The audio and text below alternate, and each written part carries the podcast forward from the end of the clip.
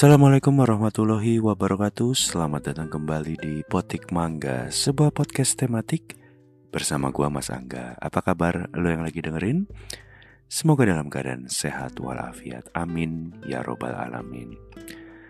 Um, Para pemetik mangga sekalian Marilah kita mulai episode kali ini Dengan mengucapkan selamat ulang tahun kepada Sheila Dara Aisyah jadi Mbak Sheila Daraisya, istri Firdi Aldiano ini tepat berusia 30 tahun di tayangan episode kali ini di 24 September 2022 ini. Jadi menurut gue Firdi Aldiano salah satu pria yang cukup cukup atau bisa dibilang sangat beruntung bisa menjadikan Sheila Dara sebagai istrinya karena Sheila Dara adalah salah satu aktor idola saya di Indonesia. Saya akuin saya cukup lemah ketika melihat perempuan berambut pendek ya. Jadi kalau lo bikin jokesnya mungkin kalau gitu gue lemah sama Atun, Eli Sugigi atau Ronaldo Wati. Emang kayaknya belum sampai selemah itu ya. Oke gue ralat pernyataan gue. Gue akuin gue lemah melihat Sila Dara Aisyah di bioskop maupun di OTT atau mungkin di YouTube gitu. Karena gue pertama kali um, tahu Sila Daraisha itu di sebuah serial yang ada di YouTube kalau gue nggak salah bikinannya Toyota itu mengakhiri cinta dalam tiga episode itu serial yang masih bisa lo tonton di YouTube gratis. Kemudian gue follow Instagramnya Sila Dara kemudian di tahun 2020 nonton salah satu film terbaik Indonesia yaitu NKCTHI. Nanti kita cerita tentang hari ini. Kalau lo lupa, di situ Siladara berperan sebagai anak tengah dari keluarga NKCTH itu di sana nama karakternya kalau gua nggak salah Aurora. Dan tahun ini 2022 sebagai fansnya Siladara kayaknya gue terpuaskan dengan nongolnya Siladara hampir di tiap bulan itu ada film barunya, baik di bioskop maupun di OTT. Pertama dari um, Teka-teki Tika, kemudian Gara-gara Warisan, ada juga di Miracle on Seven dan sekarang hadir di Noktah Merah Perkawinan.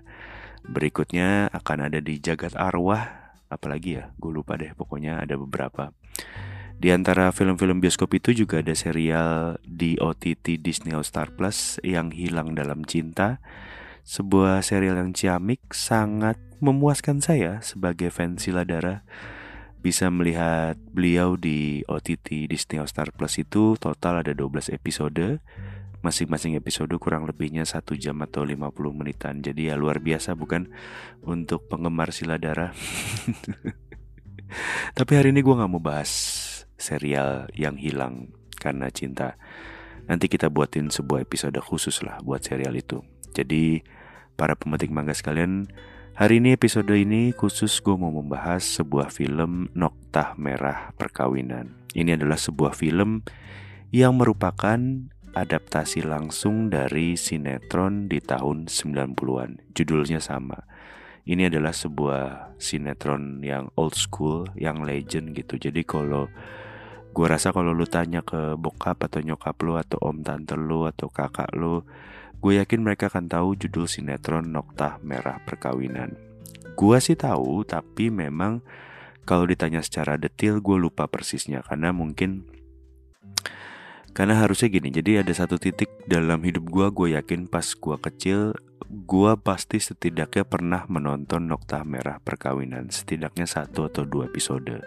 Kenapa gitu? Karena pada saat gue kecil, TV gue itu cuma satu. Dan dengan sinetron selegend itu, harusnya paling gak nyokap gue nonton. Atau misalnya uh, orang rumah setidaknya menyet, menyetel sinetron Noktah Merah Pernikahan gitu. Perkawinan, sorry. Jadi harusnya adalah pasti satu atau dua hari di rumah ya TV-nya nyetel sinetron itu ya gue tonton gitu. Kalau lu nggak kebayang seberapa jadul dan legend sinetron Nokta Merah Perkawinan, itu di sinetron aslinya yang main jadi anaknya itu angkatan 2003 kalau gue nggak salah lulus SMA-nya. Artinya secara umurnya udah segua lah kurang lebihnya 37, 38 atau mungkin 39 tahun. Jadi ya dulu di sana dia berperan sebagai anak SD karena emang masih umuran segitu, umuran 8 atau 10 tahun lah kurang lebihnya.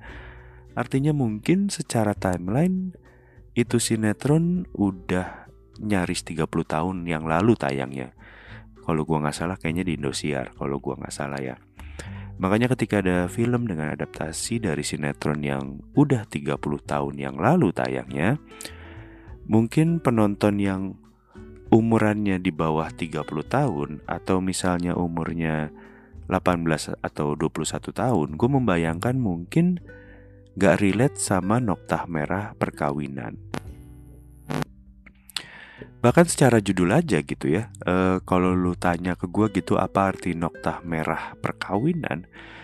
Gue yakin gak semua orang tahu apa artinya judul itu Noktah merah perkawinan gitu. Bahkan gue gak yakin ada orang yang tahu Noktah itu apa gitu.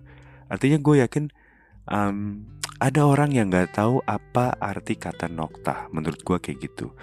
Ini gue ngomongin uh, secara general ya jadi gue nggak ngomongin anak belasan tahun atau gue yakin secara general bahkan yang umurannya 30 tahun ke atas gue gue yakin belum tentu tahu arti kata noktah gitu.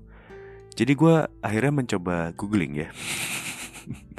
Demi kepentingan episode ini gue mencoba googling Noktah itu para pemetik mangga sekalian menurut KBBI adalah titik atau bintik kecil jadi mungkin kalau secara utuh diartikan Noktah merah perkawinan itu artinya adalah semacam nila setitik yang merusak sebuah perkawinan gitu. Jadi noktah merah, nila setitik gitu kayak semacam pepatah ya, pepatah dalam pepatah gitu. Tapi mungkin itu yang mencoba itu mungkin yang coba di apa ya, dibikin sama para pembuat serial ini um, bagaimana ada sebuah pernikahan antara suami dan istri yang rusak karena sebuah hal. Dan buat lo yang belum nonton filmnya dengan judul demikian Noktah Merah Perkawinan dengan trailer yang lo lihat di sosmed dengan pemerannya Oka Atara, Marsha Timothy, Sheila Dara, maka kesimpulan awalnya dengan judul dan trailer adalah Oka dan Marsha or oh Marsha lagi kan Oka dan Marsha yang menikah suami istri kemudian hadir Sheila Dara sebagai orang ketiga Oka selingkuh dan bubar. Yaitu mungkin kesimpulan yang ada di pikiran semua orang ya bahwa ceritanya kan seperti itu dengan judulnya seperti itu. Tapi ketika lo coba tonton filmnya, lo akan tahu kalau ceritanya nggak seluruh itu, nggak selurus itu, nggak segampang itu, nggak semudah itu. Jadi Sheila Dara di sini sebagai orang ketiga dalam pernikahan Oka dan Marsha tidak diceritakan sebagai antagonis murni layaknya sinetron gitu. Misalnya biasanya kan pelakor itu selalu diceritakannya sebagai apa ya di sosmed atau mungkin di cerita-cerita pelakor itu selalu diceritakannya sebagai cewek yang menggoda pakai rok mini toketnya gede rambutnya pirang seksi, siap ngewek sama suami orang. Pelakor itu selalu digambarkan seperti itu.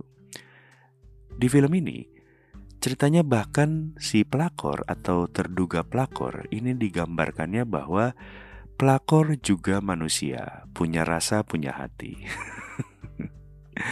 Artinya serial, eh serial, film ini mencoba menggambarkan bahwa nggak semua pelakor itu sama aja.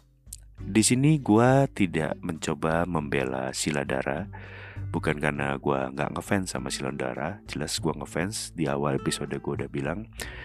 Tapi gue mencoba menggambarkan bahwa Sutradara dan para pembuat film ini memberikan ide ke kita para penontonnya bahwa pelakor nggak melulu kayak yang digambarkan oleh sosmed atau cerita pada umumnya, yang seksi, yang pakai rok mini, siap di ewe gitu. Kurang lebihnya nggak kayak gitu. Artinya ada jenis pelakor yang kayak gini, yang kalem, yang perhatian, sayang sama anaknya. Ini semacam pelakor next level lah. Tapi enggak. Film ini bukan cerita tentang bagaimana seorang pelakor berjuang merebut suami orang. Film ini bukan tentang itu.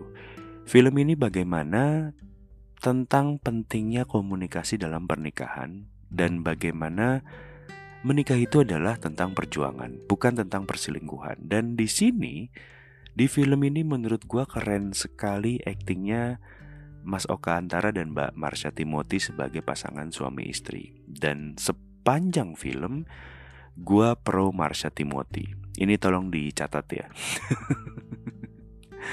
Kenapa? Karena ya Allah Marsha Timothy di film ini cantik sekali Luar biasa, beneran eye candy lah Enak dipandang dan secara actingnya itu sangat meyakinkan gitu Seorang istri yang pernikahannya sedang struggling tapi tetap cantik Artinya di cerita ini tuh nggak aut-autan, nggak marah-marah tanpa sebab gitu, bukan tipikal karakter yang dibuat membosankan sehingga membuat penonton berpikir ya pantas aja laki lo milih buat selingkuh gitu. Enggak, enggak sama sekali gitu. Jadi sepanjang film enggak sekalipun penampilan Marsha Timothy itu mengecewakan atau aut-autan gitu. Jadi kayaknya menurut gue emang sepertinya meng-hire Hagai Pakan sebagai stylist film ini bikin semua yang dipakai sama Marsha Timothy itu jadi enak banget dilihat gitu.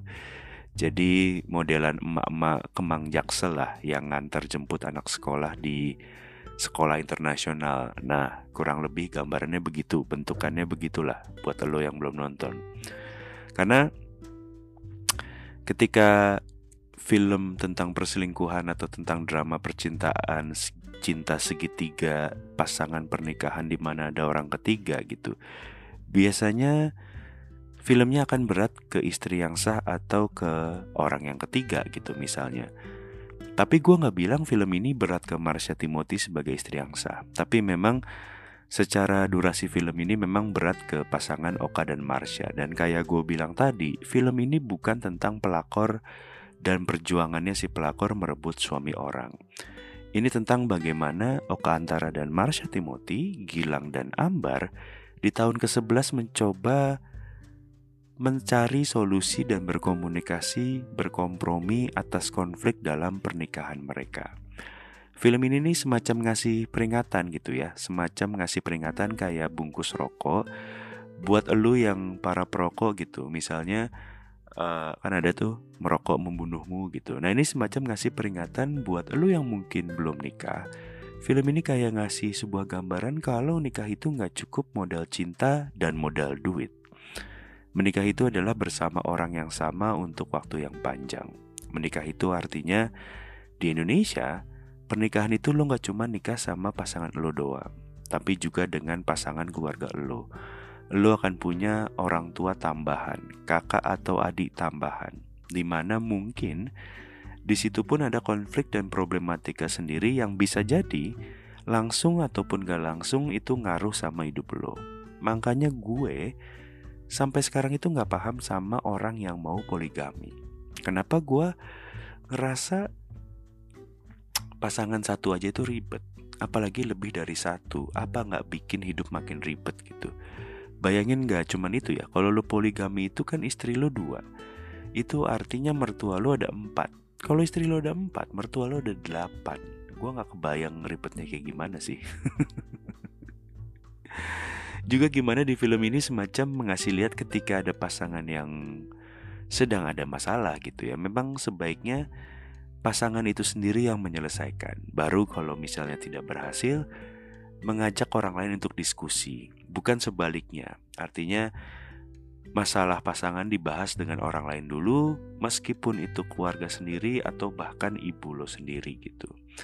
Artinya ya harus pasangan itu sendiri yang akan menyelesaikan gitu karena ya problematikanya antar si pasangan bukan dengan orang lain gitu dan film ini menurut gua Noktah Merah Perkawinan adalah salah satu film drama pasangan yang terbaik di Indonesia tahun 2022 setidaknya gue lupa sih apakah ada film dengan konflik antar pasangan yang sebaik ini sebelumnya untuk film Indonesia.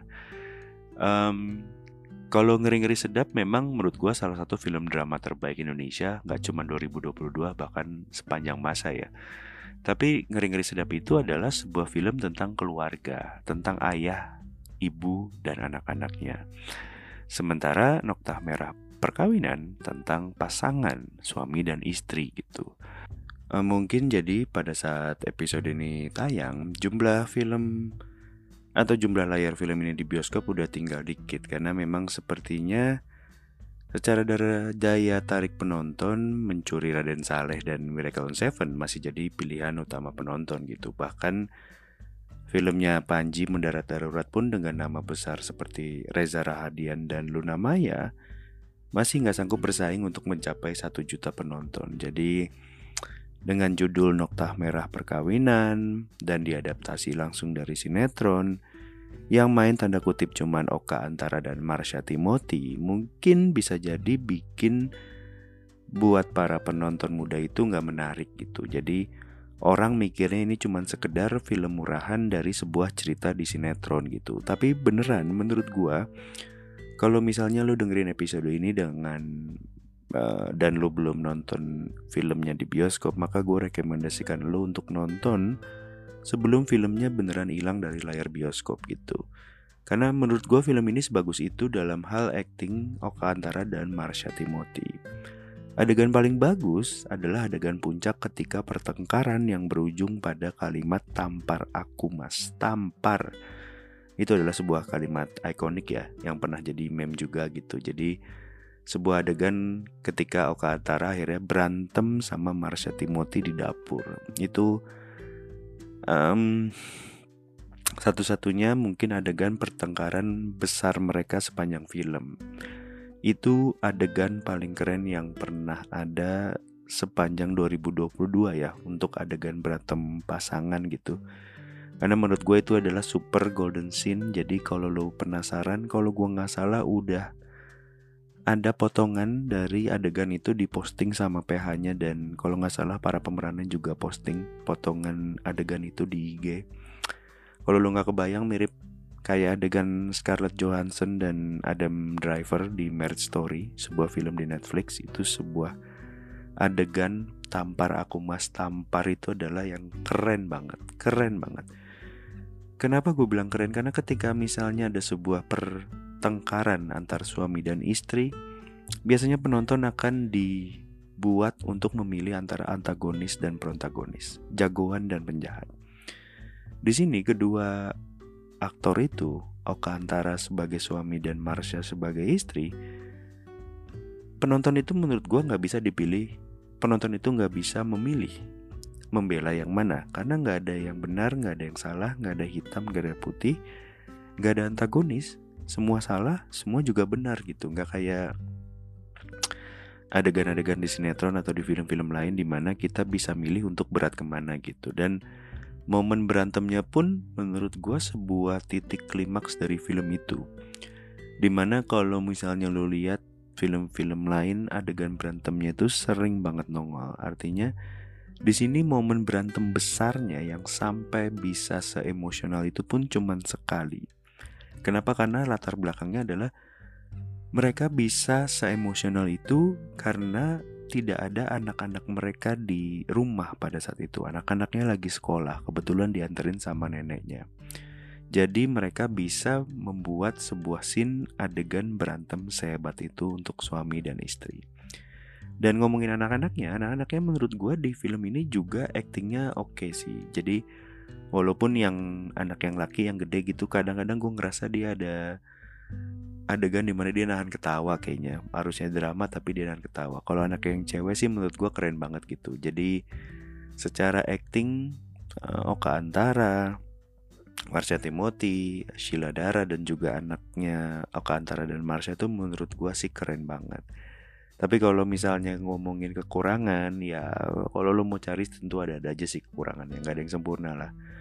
Karena emang menurut gua di luar penulisan untuk karakter utama yang bertiga itu Marsha, Oka dan Sheila, um, menurut gue cuman karakter Ayu Azhari sebagai konsultan pernikahan yang keren. Gue nggak ngitung karakter anak-anaknya karena tadi pun gue bilang anak-anaknya oke okay lah untuk karakter anak-anak. Tapi ya karakter dewasanya itu menurut gue yang lain di luar Marsha Oka dan Sheila dan Ayu Azhari gue ngerasa agak sedikit kurang dan terlalu sinetron sekali gitu.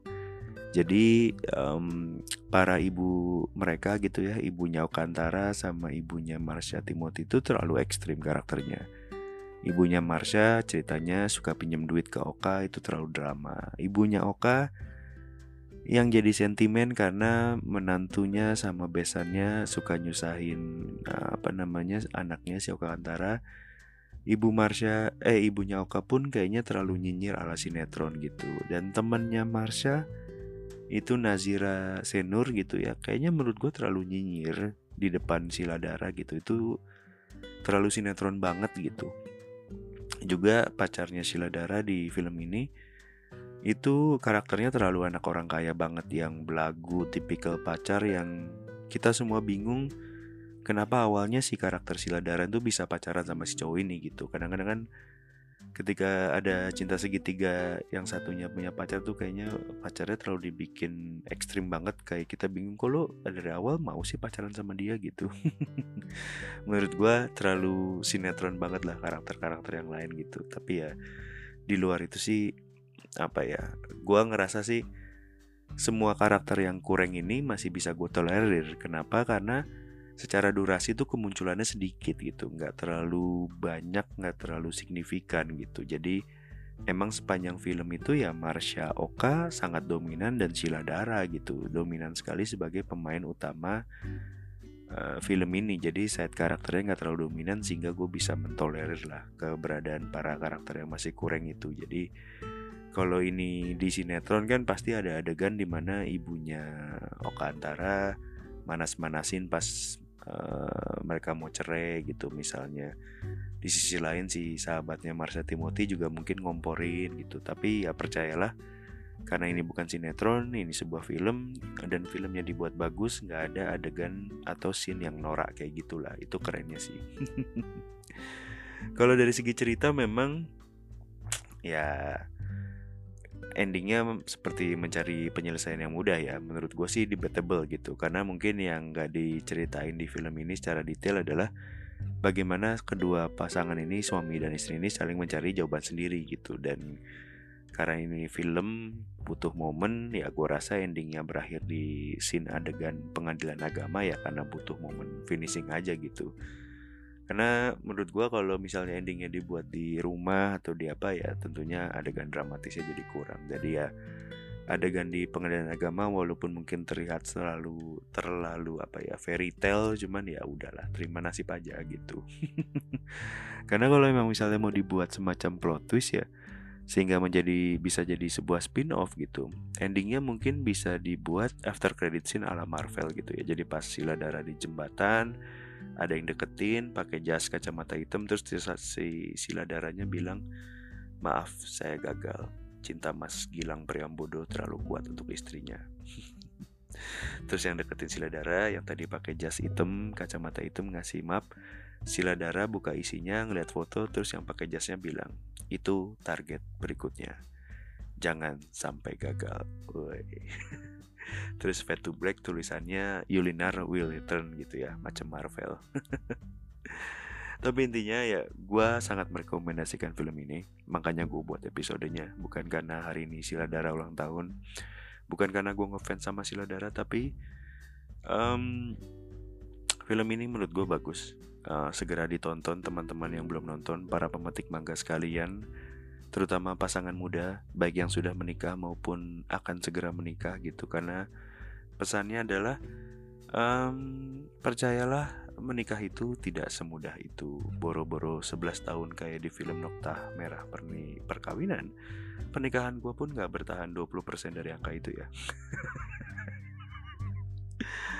Ya udah um, Sekali lagi sebagai penutup mungkin selamat ulang tahun ke-30 untuk Siladara. Saya ngefans sekali sama Mbak Siladara.